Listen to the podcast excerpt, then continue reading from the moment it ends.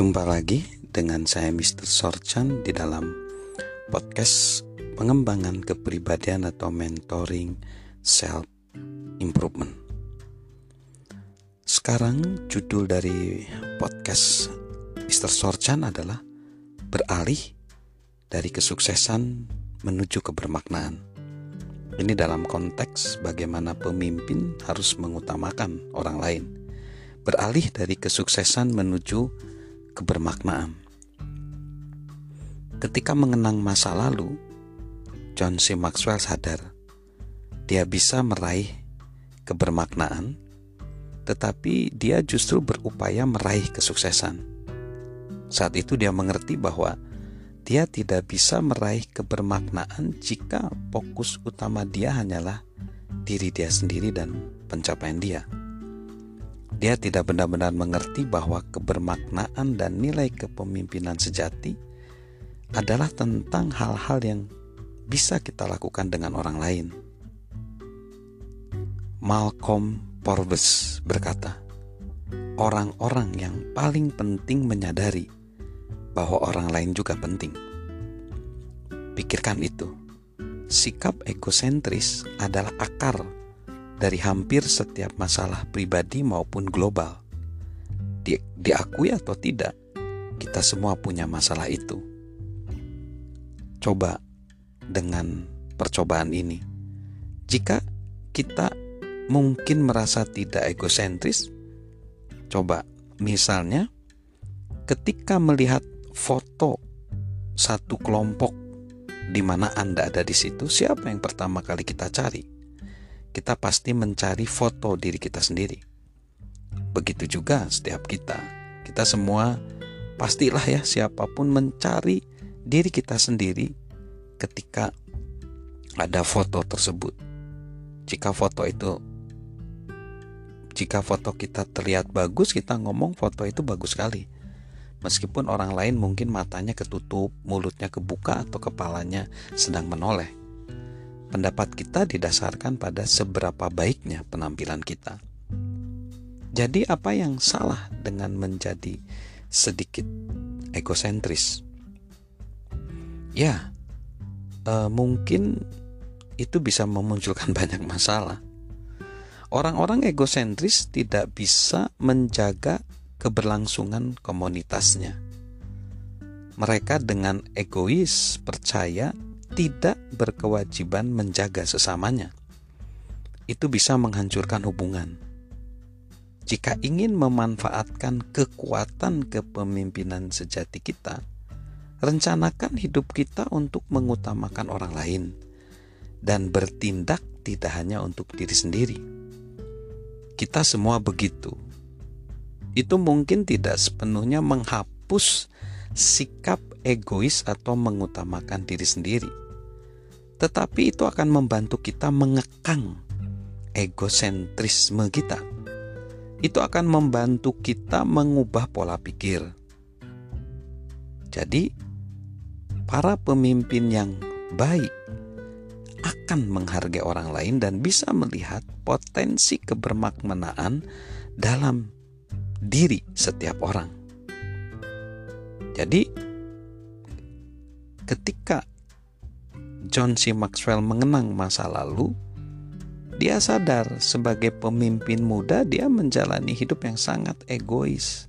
Sikap aku dulu itu muncul dalam banyak area dalam hidup dia.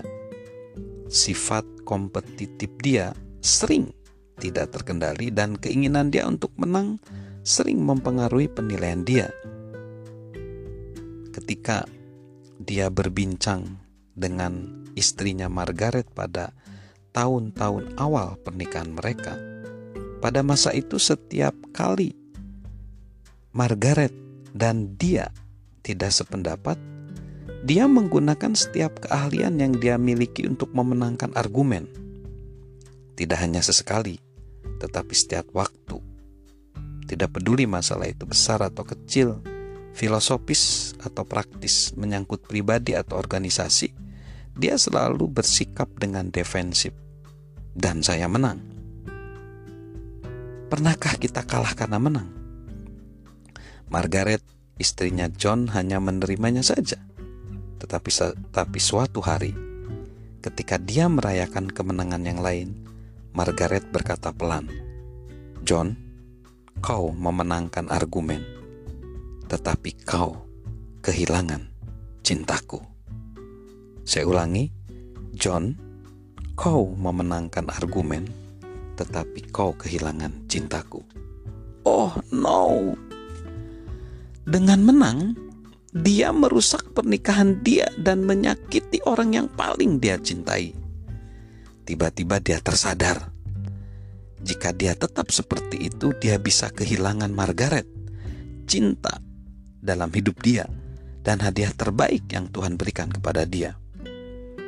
Itulah tamparan yang menyadarkan dan membuka mata dia.